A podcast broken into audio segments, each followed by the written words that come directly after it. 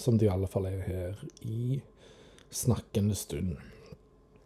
Det er en eh, herlig torsdagsaften etter en eh, mildt sagt eh, innholdsrik, givende og spennende dag.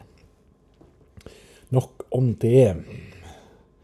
Eh, klokka har nå begynt å nærme seg veldig åtte på kvelden. På denne min hundrede dag på denne ø på Helgelands kyst. Ja Jeg hadde jo Og, og det, det, har jeg tenkt å ha som eh, Som en selvfølgelig vet når en setter på den episodens overskriften. Så har jeg tenkt å ha tittelen, da. Så har jeg tenkt å ha det som monologemne Emne Ja. Um, jeg hadde jo en episode tidlig der jeg prøvde å snakke litt om plassen jeg hadde flytta til, og området der oppe, etter en request fra en kompis. Og det var jo ganske vanskelig på det tidspunktet jeg gjorde det. Fordi jeg hadde bodd der så kort tid, så Jeg har jo ikke hørt episoden på ny etterpå, annet enn når jeg snakka det inn. Uh, og så er jeg såpass framoverrett at jeg, går ikke og husker på det.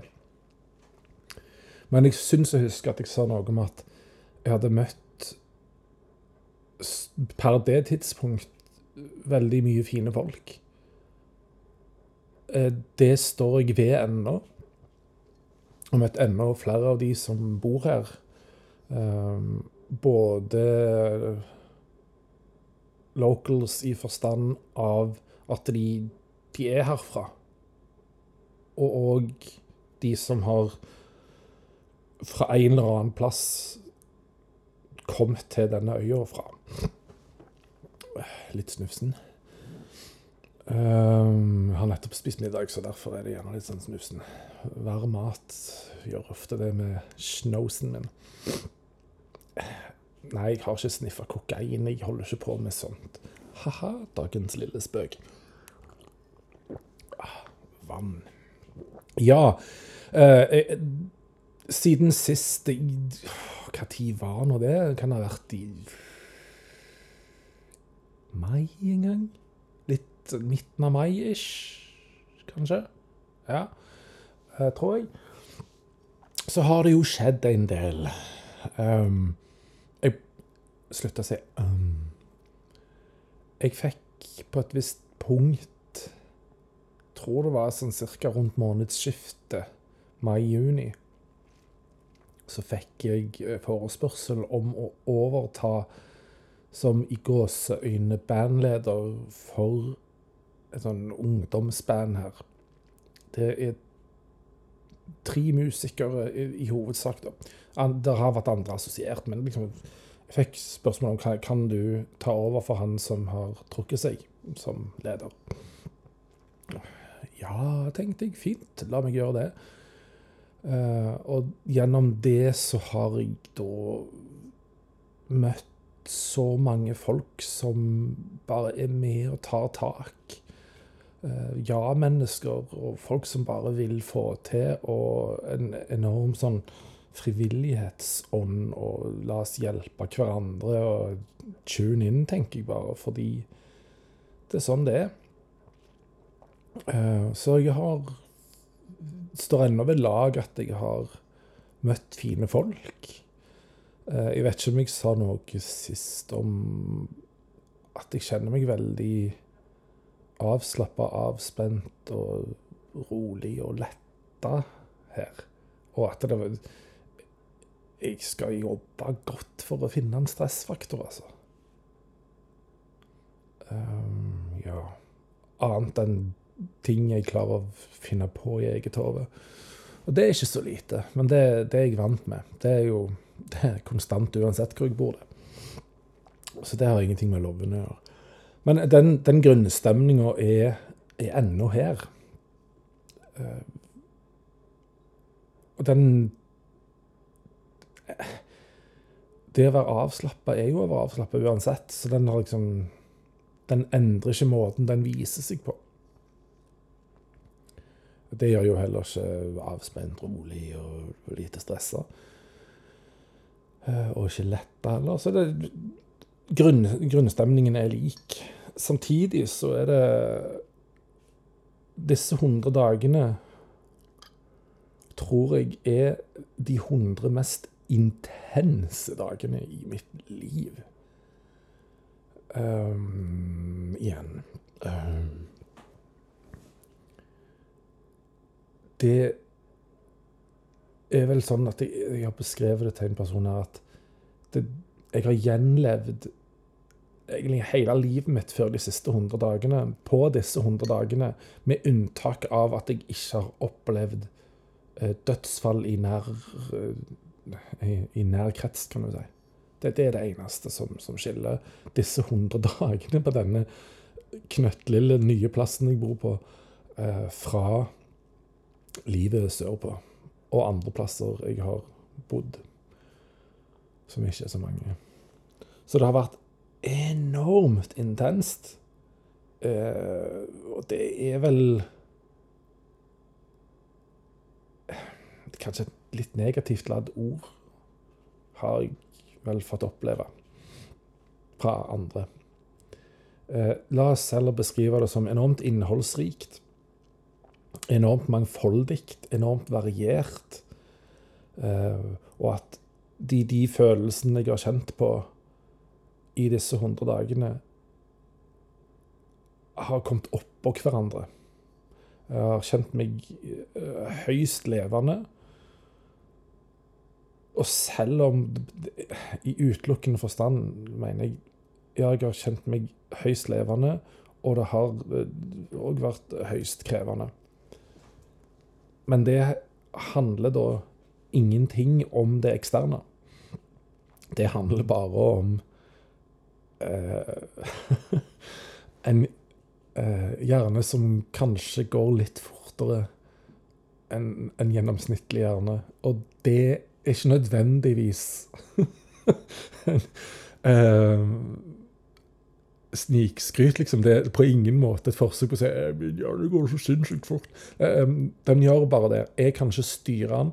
Den tar heftig av, og det, det gjør at det, plutselig så går du på trynet i en snubletråd i din egen hjerne. Og når du går på trynet i den snubletråden, så ramler du ned en skråning og oppå et akebrett ned en bratt bakke full av snø. Uh, og så lander du med et mageplask Nei, kanskje ikke. I et vann. Eh, og tenker Hva faen skjedde der? Og så må du jo tenke deg en vei opp igjen. Og så har det jo selvfølgelig òg blitt mulighet til å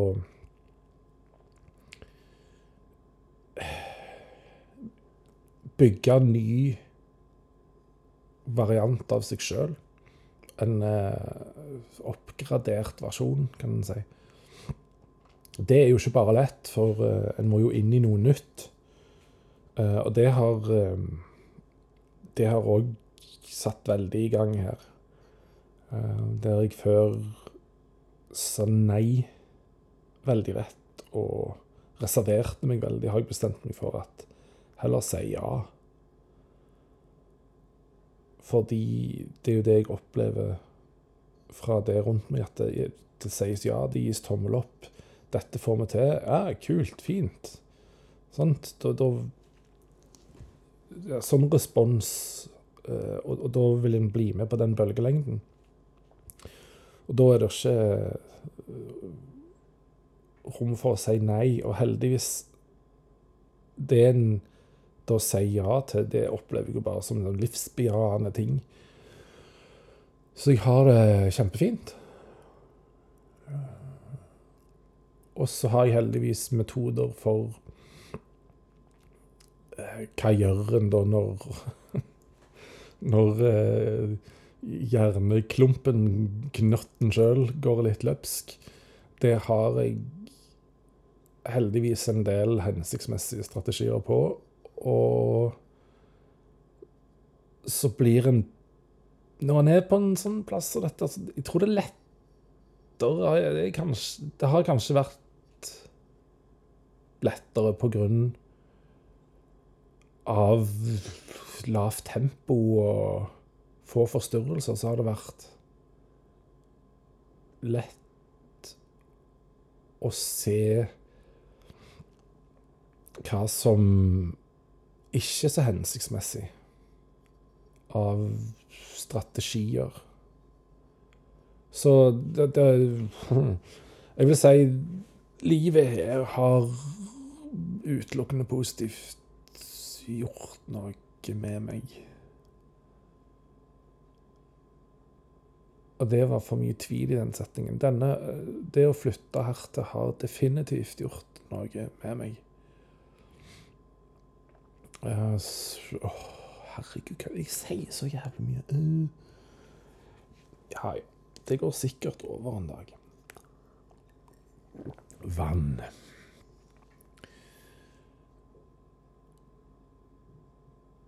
Og så Hva videre? Jo, kanskje sånne eksempler på den der spiriten. Um, for eksempel oh, Kanskje Kanskje litt Vil noen si sånn mildt Den milde formen vil være Var nå faen på tide. Men ja, og den andre vil være Herregud, så flaut. Til den første ja, jeg er enig, det var jo på tide, og det var derfor det skjedde nå. Til den andre oh, shut the fuck up. Greia er at i de delene av livet der jeg har eid bil, så har jeg ikke hatt lagringsplass for det bilen triller på. Det gjør at jeg har oppbevart dette på dertil egnet sted kalt dekkhotell. Dekkhotell gir deg servicen av å skifte dekkene for deg. I tillegg har jeg òg hatt en bil som Det var ikke sånn Jeg vet jo det er ikke det beste dekkvalget, men det var det jeg fikk på bilen. Med bilen, som jeg fikk eh, og fikk overta. Der var det helårsdekk, så da trengte jeg jo ikke skifte. Så det har egentlig aldri vært nødvendig for meg å skifte dekk. Så derfor var det sånn Shit. Jeg må jo skifte dekk på bilen. Og fortalte det noen folk at er sånn Ja, eh, aldri gjort det før. Nei, da var spiriten nei. Nei, men det går fint. Uh, kan hjelpe deg, jeg. Bare kom ned, så gjør vi det sammen. OK. Uh, wow. Sånne ting. Det syns jeg er uh, gullgjevt her. Uh, og så har jeg òg lært en ny ting om bil. For denne sommerferien har jeg ikke starta sånn som skulle. For jeg tenkte jo at jeg skulle komme meg relativt fort av gårde uh, i den pizzabilen min, denne kassabilen rigga til soverommet bak den og farta rundt på fastlandet og gå turer her og der, overnatte i bilen og alt det. Og så får jeg beskjed fra bilen sjøl, fra computeren, at du, dø, det er noe i motoren som ikke er så bra. Så da eh, fant jeg ut at det er eh, en viss Atle Bil, som mange kaller den her bøya, han kan nok ha en sånn dings kobla til bilen. Eh, så han kan lese feilkode. Helt riktig, han gjorde det. EGR-ventil, som han syns er en merkelig oppfinnelse. Han sa det er den mest tullete oppfinnelsen som fins. OK, hans ord. Eh, den har jo en rolle i å få tydeligvis eksosen til å passere gjennom motoren en gang til. Det har jo med rensing av diesel og eksos og sånt å gjøre. Av dieseleksos. Eh, og utslipp og sånt å gjøre. Og så sier han da at dieselbil på Lovund dårlig idé. For at de trenger å kjøres en del for å bli varme og for å få rense i motoren, ellers så kokser det. Så den EGR-ventilen eh, Den måtte jeg da skifte. Så jeg kontakta en hel haug med verksted. Vent til over sommeren, gitt. for å få gjort noe med det. Helt uaktuelt, bortsett fra det ene som sa 11. juli. Good. Da ble det 11. juli. Mo i Rana. Ta deg en overnatting fra mandag til tirsdag. Det var jo tidenes varmeste dager, de to. Eh, men jeg fikk meg over fjorden, inn til Mo, og bil fiksa. I dag har jeg òg satt på nytt eh, venstrespeil foran, fordi der var det et eh, lite uhell, et lite møteuhell, som gjorde at speilet fikk seg en trøkk. Nå er det fiksa òg, så da er jeg helt sjøl klar til å fikse speil. Men ja, nå er bil klar. Nå kan jeg farte rundt. Så om noen få dager, da, så får jeg besøk sørfra. Fra han som oftest internt i flokken kalles for Heoa. Han er ikke fra Heoa, liker han å si. Men vi andre vi vet bedre. Det blir veldig veldig stas å få besøk sørfra. Eh, og da blir det jo farting rundt litt på fastlandet, fjellturer, og så er det over på øya her igjen, så må jeg vel gå Lovenfjellet for tredje gang. Aha. Og det er tung tur. Men det skal gå fint. Jeg kan si at det bare til ikke gå så fort. Du har ingen option. Det er mm, bratt. Så det går ikke så fort. Men ja. Etter 100 dager på øya så sitter jeg igjen med at det er likt alt annet. Det er bare mindre. Det er bare sykt komprimert. Uh, uansett hvor du bor, eller flytter til, da. Uansett hvor du flytter til, så Jeg skal ikke fastslå at noe er Det kan være krevende å komme seg inn med de lokale, eller med en del av de lokale, mange av de lokale, kanskje. De som da er fra plassen. De har sine etablerte relasjoner, eh, sine etablerte mønstre, og er gjerne ikke så åpne for å endre på det. Og det er helt greit. Og jeg tror muligens det kan være verre å flytte til en by hvis du ikke er sosialt flink eh, og veldig ekstrovert, så tror jeg det kan være verre å flytte til en by. For der er det så vanskelig å finne de nye. Og det er derfor Jeg husker når jeg begynte i Trondheim, så la jeg merke til det at de, de lokale de stilte på sinnssykt lite av ting som skjedde. De hadde sine de gikk på sine fester med sine lokale folk. Og, og de dialektene jeg hørte på fadderarrangement og de første plassene jeg gikk på i begynnelsen, det, det var alle andre dialekter enn den lokale trondheimsdialekten. Og veldig lite trønderdialekt. Det var ekstremt få trøndere jeg hørte. Her får du bare en miniversjon av det. Men så vet en òg de som bor her, liksom de lokale, da, de vet jo òg at ja, her er det ofte stor turnover. Da. Folk bor her gjerne et år, flytter de, noen faktisk kortere enn det òg, og så stikker de. De setter pris på folk som er der en stund, og så setter de selvfølgelig pris på de som gir noe, eh, og mer bidrar.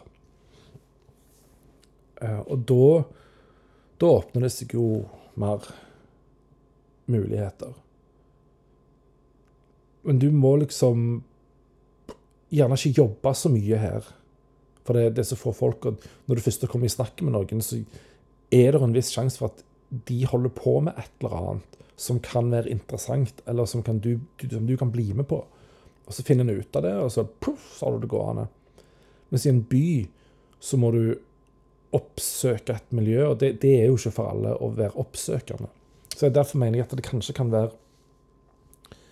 verre å oppleve det som nyinnflytta i en by, at de 100 første dagene hvis jeg hadde flytta til Nei, ikke Oslo, det er uaktuelt. Uff.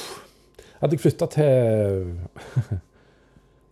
Uff, nei, Kristiansand. Der kikker de jo rett ned i bakken. Nei, nei jeg bare, jeg bare tuller. Uh, hadde jeg flyttet til Kristiansand, så hadde jeg iallfall visst at OK, jeg kjenner i det minste én person der. Så da hadde jeg jo hunget meg litt på han. Uh, og det hadde vært fint. Så kanskje Kristiansand var et dårlig eksempel. Men hadde jeg ikke kjent han da, så hadde jeg Hvis jeg skulle bare fulgt tidligere handlingsmønster, så hadde jeg hatt det ganske kjipt de første 100 dagene. I alle fall med den tanken jeg hadde den gangen jeg flyttet til Trondheim. For da eh, hadde jeg forståelsen at en måtte jo være sosial. Det var det som var viktig. Det er liksom valutaen. Være sosial. Eh, være rundt masse folk hele tida. Være der det skjer, og masse energi, liksom. Og så var jeg veldig reservert fordi det var overveldende, alt det der. Det som er overveldende på Loven, er jo fjellet og naturen. Her er folk helt nedpå. Og, og det, det, er veldig Det er veldig greit å sortere inntrykkene, mens den gang i Trondheim i ja, august-september 2000, så var det så enormt å sortere og masse, masse å ta inn, og det var ekstremt overveldende. Så det ble til at jeg fant noen jeg kjente fra før, fra hjemkommunen. Og begynte å henge meg på de, og var med de de halvannet årene jeg bodde der. Så egentlig så oppførte jeg meg som i går, sånn en lokal trønder. For og jeg vet ikke om det er så uvanlig nødvendigvis å gjøre. Altså En finner ja, noen kjente som bare åh, takk og pris, slapp jeg å jobbe med det.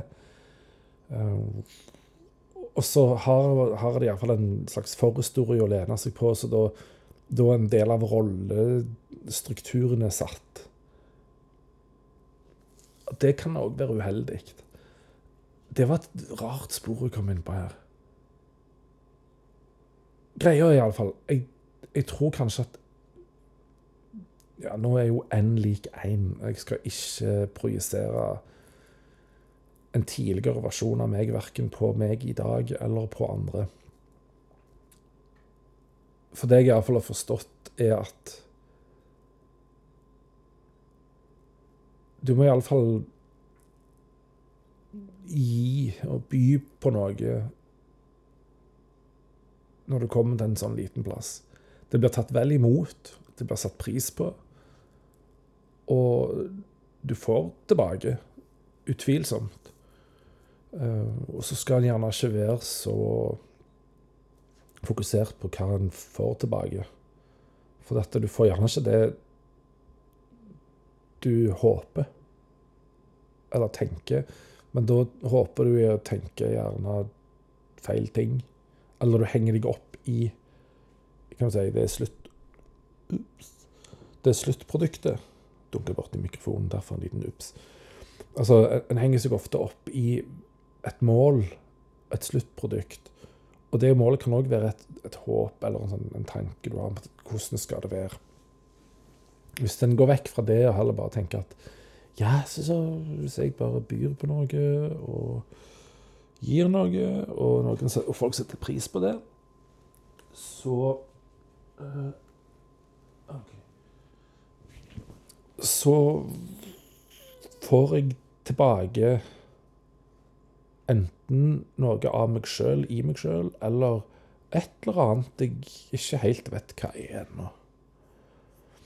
Det har disse hundre dagene definitivt hjulpet meg med å innse. Jeg har òg lært at det er sannelig ikke bare nordlendinger som, heldigvis, som kan være direkte og, og, ærlige. Det settes jo så enorm pris på hos meg, i alle fall. Uh, så, så Ikke vær så Det har jeg iallfall lært meg, det. Ikke vær så redd for å si ting til folk. For det verste som kan skje, er at du dør av det, eller blir skada av det. Det er det verste som kan skje. Og hvis det gjør at du mister en venn av det, så var vel gjerne ikke det så mye venn og vennskap å ta vare på, kanskje. Kommer jo helt an på hva du sier, men antageligvis har du ikke sånne ting på hjertet. Du, du, du velger nok heller å avslutte vennskapet sjøl eh, hvis du har tenkt å si ting som får noen andre til å avslutte vennskap med deg, kanskje. Um, og, um, og så Ja. Altså være, Tør å være direkte og ærlig. Tør å ta opp ting og tør, å avklare ting. For huff, det er kjipt å gå rundt og spekulere i sitt eget hode. Bare si, det så det er. Og si òg når noen iallfall nærmer seg grensa, at du Gidder du å stoppe nå? Eh, nå er, det, nå er det litt i overkant. Ja eh, Hadde du ikke blitt glad for å høre det, eller hadde du mer satt pris på at fuck you, nå er du langt over grensa ditt, din, et eller annet? For da blir det dårlig stemning. Her opplever jeg jo at en gjerne oppfører seg som folk flest, men at, at en gjerne En kan ha, folkeskikk og være forsiktig, men at en tør i alle fall å, å gi beskjed. Og så var det en ting jeg tenkte på når jeg snakket om dette med by, øy Ja den store fordelen som jeg opplever det som med å komme her, det er at jeg, jeg har ikke et problem med livet som var sørpå. Det var bare det, det gikk gjerne i en tralt og en retning der jeg kjente at dette ble for stabilt. Og det er vanskelig å bryte ut og definere noe nytt når du bor på en plass der du har satte eh, størrelser, satte størrelser som relasjoner og handlingsmønster og alt det der. Da er det vanskelig å få til endring. Fordi du blir Bevisst eller ubevisst, I don't know. Begge deler, kanskje fra folk rundt deg, så blir du nudga litt tilbake igjen. Hvis du prøver å bryte banen i den rollen du har overfor ulike folk, så er vi litt sånn at vi vil ha deg tilbake igjen der det var Du, du ble så rar nå. Du har, liksom, har endra deg. Likte ikke det. Endring er ikke bra. Så jeg trengte endringen og derfor var det òg fint å komme til en liten plass. For det er ikke så og mange overveldende inntrykk, og det er ikke så Det kan være det òg, kan jeg si. ja. Um, det, det, er ikke så mange lerret å bleke. Eller lerret er ikke så langt å bleke. Langt, det er ikke så langt lerret å bleke, og gjerne ikke så mange. Uh, og så er det ingen ingen forhistorie. Det betyr ikke at nå, nå skjuler jeg masse skjeletter i skapet, og uh, nå skal jeg uh, lage sånn lurendreierbilde av meg sjøl. Uh, jeg har ingenting å skjule. Det, det er ikke noe skjelett i skapet. Så for all del. Men her, her, får jeg muligheten da til å faktisk kunne bli en litt bedre variant av meg sjøl. Og det handler jo om å identifisere Å ha tid til å identifisere hva mønster du har som holder deg litt fanga, hva du faller tilbake på. Og så ha muligheten til å gjøre noe med det. Der kommer denne plassen inn. Det var tilfeldig at jeg havna her. Jeg er glad for at det ble her. Uh, på alle måter. Her har jeg fått muligheten til å kunne gjøre endringen. Ikke for å bli en annen enn meg, eh, enn den jeg har vært, enn, en, bli en annen meg, men å få fram de sidene som allerede er der, som kan være bra. Så det å bo på en sånn plass dette, eller komme til en sånn plass som dette her, har eh, vært frigjørende. Eh, masse, masse I den grad jeg kan si masse, masse når det bor drøyt 500 personer på øya. Men, men eh, jeg vil si relativt sett da, masse, masse fine folk som jeg har møtt. Eh, og på festivalen som var her på Vardehågen live, så kom jeg i snakk med en del lokale som jeg ikke hadde møtt før festivalen. Kjempetrivelig koselig. God stemning, masse smil. Og så var det så fint å se Uh, spesielt på fredagskvelden. For det var, det var, jo ikke VM i vær den kvelden. Lørdagen var helt strålende. Fredagen var litt grå. Det regna.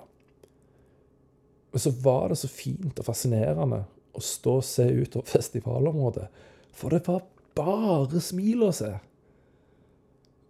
Um, og stemninga Ikke bare på grunn av fluidium men òg pga. at det sto en megabra entertainer på scenen. Jeg har aldri hatt noe sånn sterkt forhold til Halvdan Sivertsen, men det var en kjempebra konsert.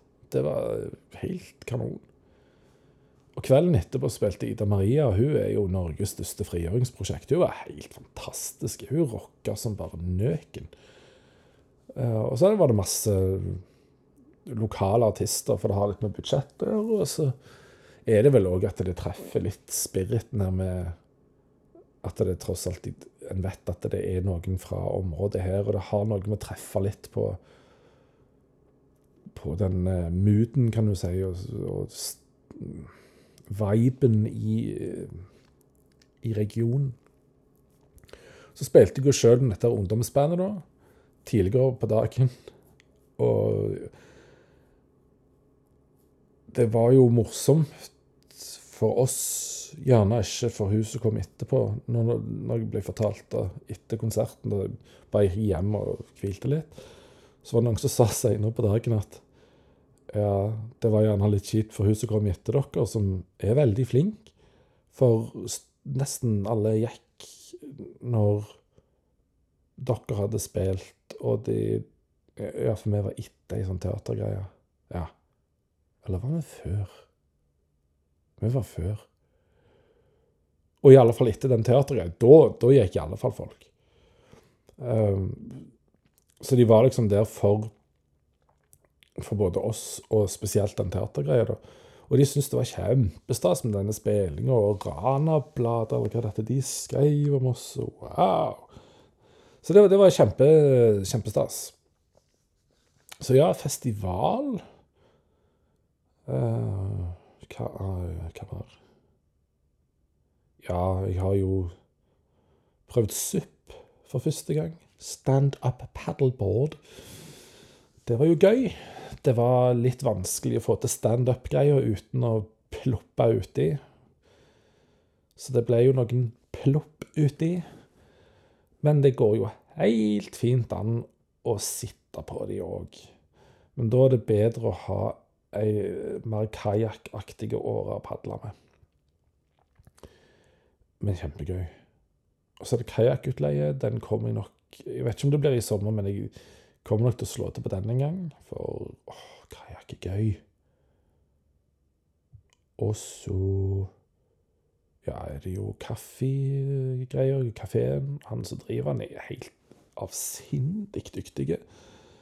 Eh, og så lidenskapelig opptatt av kaffe og kaffebrenning og smak.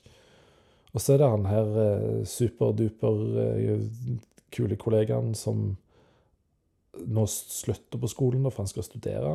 Han driver jo pastry. Han lager sjokolade sjøl. Men Helt kanondyktige. Og så var jeg og en nå tidligere kollega Vi var på sjokoladesmaking, eller sjokoladesmakekurs med han. Det Det òg er litt mye å ta inn over seg, fordi jeg merker jo at jeg fortærer jo sjokolade, som er blant disse her store produsentene. Det er jo egentlig ønsket de at du skal gjøre. De, vil jo at du skal konsumere eller fortære sjokolade uten å skal, Du kan spise den, men ikke smake på den. Men hvis du begynner å liksom virkelig ta innover deg hva du sitter med, så er det i all smaking så er det jo sånn at det siste du gjør, er jo faktisk å smake på det. Da har du sett på det. Du har um, til og med gnidd på sjokoladen sånn at den smelter i fingrene. Du har følt på den. For det forteller en del om sjokoladen. Eh, og det du kan se på den, forteller deg òg veldig mye. Så har jeg lært at hvis sjokoladen har et litt sånn kokosaktig preg i smaken, og da mener jeg ikke sånn som Bounty, for den skal jo smake kokos, men hvis du spiser en melkesjokoladetype som smaker litt kokosaktig, så det er et dårlig tegn. For det er billig vare. Det, det er ikke bra. Ikke er bra. Så skal du lukte på sjokoladen og liksom hele, hele pakka. Det er vel egentlig bare hørselen til Jo, hørselen bruker du òg. For det har noe med hvordan den snapper når du knekker den. Det òg har mye å si. Men sånn, jeg klarer ikke å huske alt dette, hva det har å si, hvordan det skal være, for det var så mye informasjon på en gang. Men det var interessant når vi først fikk to av den samme sjokoladen.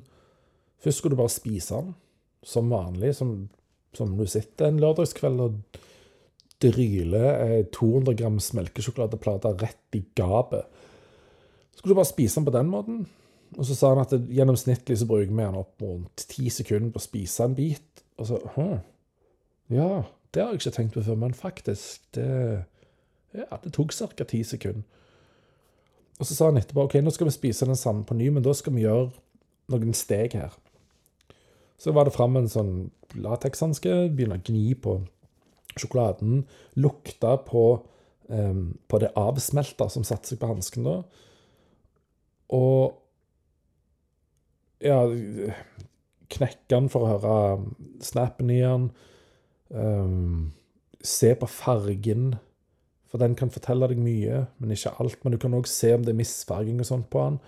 Det skal ikke være så mye kvitt nødvendigvis på en uh, sjokoladebit. Og hvis det er for mørkt, så er det ikke heller bra. Dark roast, keep away from it. Det er ikke en bra ting. Uh, det er billig, uh, billig vare både på kaffebønner og kakaobønner. Ikke bra har jeg lært nå. Og til slutt, da, liksom, når du sitter og lukter, du har hørt på snappen, du har følt på altså Alle sansene utenom smaken. Når vi da smakte den samme biten på ny, så var det OK, det var faktisk en annen opplevelse. så kommer smakskart. Ja, ja. Det Det syns jeg er krevende. Men det er noe en kan trene seg til. Og eh, var iallfall sykt gøy. Så, så, mye sånne folk er der jo her. Folk som vil noe. Jeg har sagt til mange folk her på øya mange Altså én gang til mange folk. Eh, jeg har sagt det mange ganger til mange forskjellige folk. Jeg vet da faen. Jeg har fått sagt at jeg, Uten at det, det handler om meg sjøl Jeg opplever at de innflytterne jeg har møtt her, det er ikke hva som helst av folk. Det er noe med dem. Ellers hadde de aldri flytta her. Og mange av de som er locals her òg. Er det noe med Spesielt de litt yngre, hør han, de under 30, si mellom 20 og 30, som enten kommer tilbake, eller som velger å bli. Kanskje spesielt de som velger å komme tilbake. For alle her Videregående, da må du ut av øya. Så alle drar jo på et visst punkt. Og så kommer de tilbake igjen. De som kommer tilbake igjen og blir Av de jeg har møtt som er der så, OK. Så er det interessante folk som ikke er i positiv forstand helt gjennomsnittlige. Det er noe ekstra med dem. Og det merker jeg i alle fall på, på innflyttere. Det er noe med alle innflytterne jeg har møtt, og da mener jeg bare positivt. Så det Det har vært givende 100 dager. Det har vært eh, sykt innholdsrikt. Mer enn jeg hadde forventa. Langt over det jeg hadde forventa. Um, ja, intenst men på den gode, rette måten intenst. Og så er det en lang, fin vei foran, full forhåpentligvis av gode, positive endringer. For min egen del. Fordi jeg har kommet til denne plassen. Magertroll igjen? Magertrollet har det med å dukke opp i denne poden. Så ja To wrap it up for uh, ja, drøyt 40 minutter. Fin tid, det. Har uh, babla i vei om masse forskjellig her nå og prøvde å holde meg til den tråden om Altså at det kommer ut fra tråden første 100 dager på Loven. Uh, ja, jeg har begynt å jobbe på bok nummer to hvis jeg ikke har sagt det før. Og så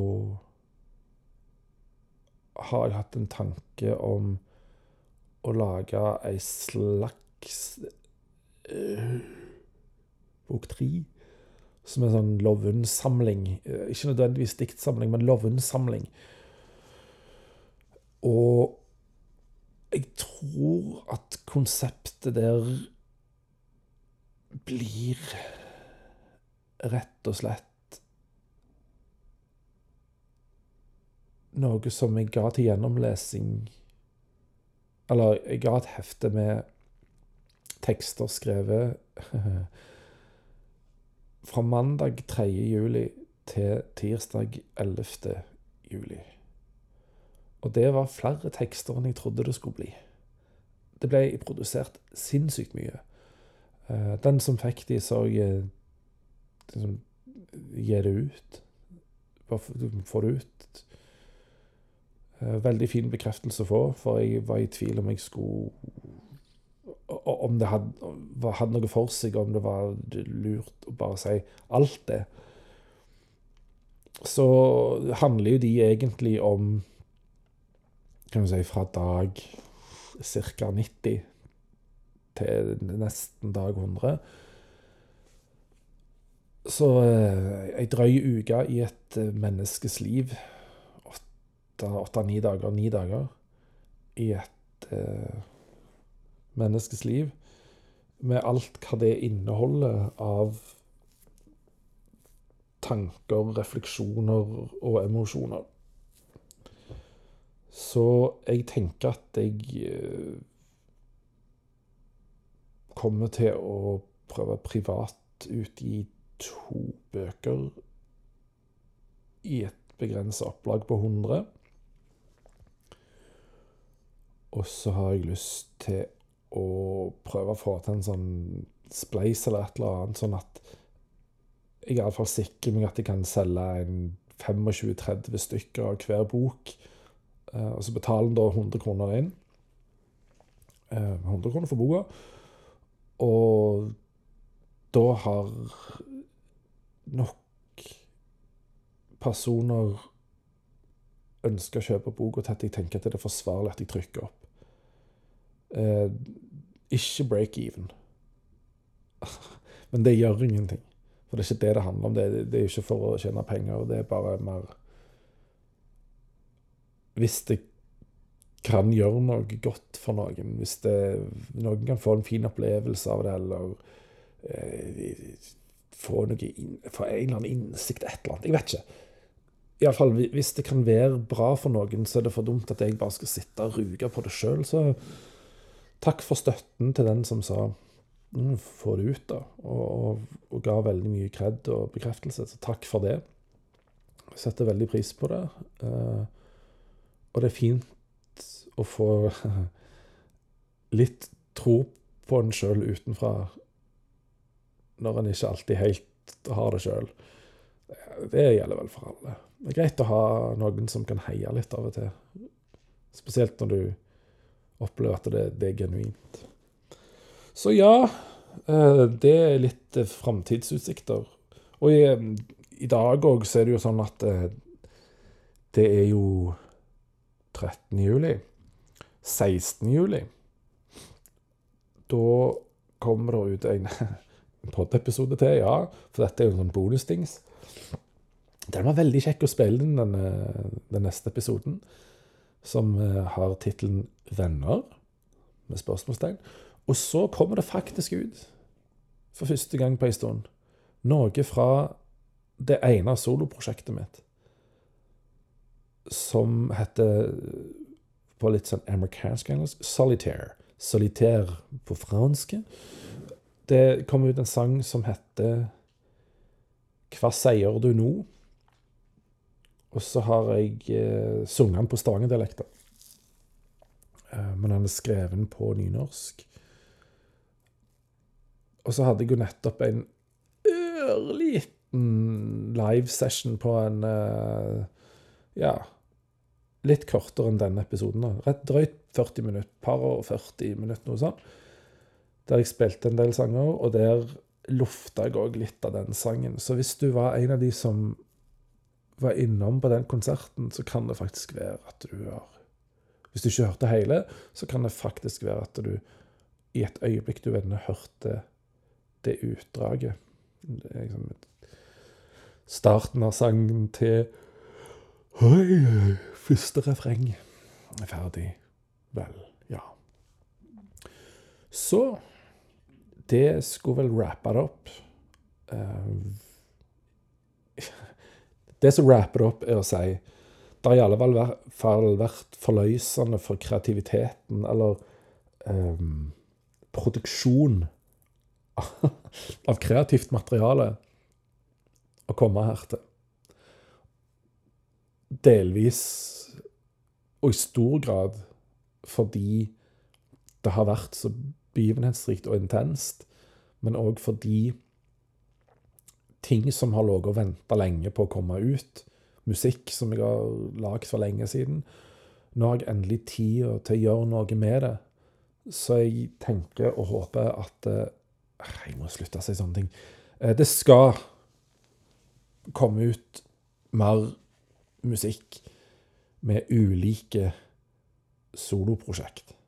Og jeg tror i hvert fall tenkt tanken at òg Igjen tenke, håpe um, Jeg må jeg, jeg, skal Jeg skal lage en episode som handler litt om den musikalske historien. Og de ulike soloprosjektene. For de har litt ulik karakter. Og nei, det skal ikke handle om meg, det skal handle om musikken. For det er jo det, det som er greia. Denne episoden, fordi jeg snakker om mitt liv her i 100 dager, må nødvendigvis bli henta ut fra meg, men det har handla om egentlig hvordan det er et sånn lite samfunn som dette, et lite, ørlite tverrsnitt av Norge, å være her de 100 første dagene av mitt liv de 100 første dagene til en annen person som flytter, til, selvfølgelig annerledes. Men det handler ikke om meg, det handler om det å komme hit. Ja Da tror jeg Hvis jeg skal tenke meg om bare brainstorming Nei, jeg kommer ikke på noe annet jeg skulle ha sagt. Hvis du har et eller annet du ønsker at jeg skulle ha fortalt noe om, eller gi en update på, så tipper jeg at du nok har telefonnummeret mitt. Ja vel. Så gi beskjed, da. Send meg en melding. Ring meg. Ring meg. Eller hvis du er de som ikke har nummeret mitt, men har funnet på å følge meg på Instagrammet, så kan du sende meg en melding der. Ei melding der. Og sier 'Du, hadde vært litt gøy hvis du' Og så skal jeg komme med en vennlig liten forespørsel til de som måtte være interessert og måtte bry seg. Jeg har lyst til å gjøre iallfall én sånn live session på Insta til. Nå valgte jo jeg alt innholdet til den seansen som var. Det har jeg lyst til å gjøre noe med. Hvis du har en sang som du ønsker at jeg skal spille, eller fortolke, så kom med den. For jeg skal gjøre det. Jeg har bare ikke satt datoen, for nå, nå er det ferie. Eh, og den som var Den var bare et innfall, en impuls, som ble varsla med 24 timers varsel. Det neste blir varsla i god nok tid, eh, og nok ganger til at eh, flere kan få det med seg. Og så blir det når folk ikke er på ferie. Men jeg skal gjøre det. Så hvis du vil ha med deg det, kjør på. Eh, bli med, heter det vel. Og hvis du, vil ha, hvis du har forslag, kjør på. Kom med det. Hadde satt veldig pris på det. Så og da kaller vi den episode Den ble litt spesiell. Tror jeg. Takk for nå. Ha det, hei.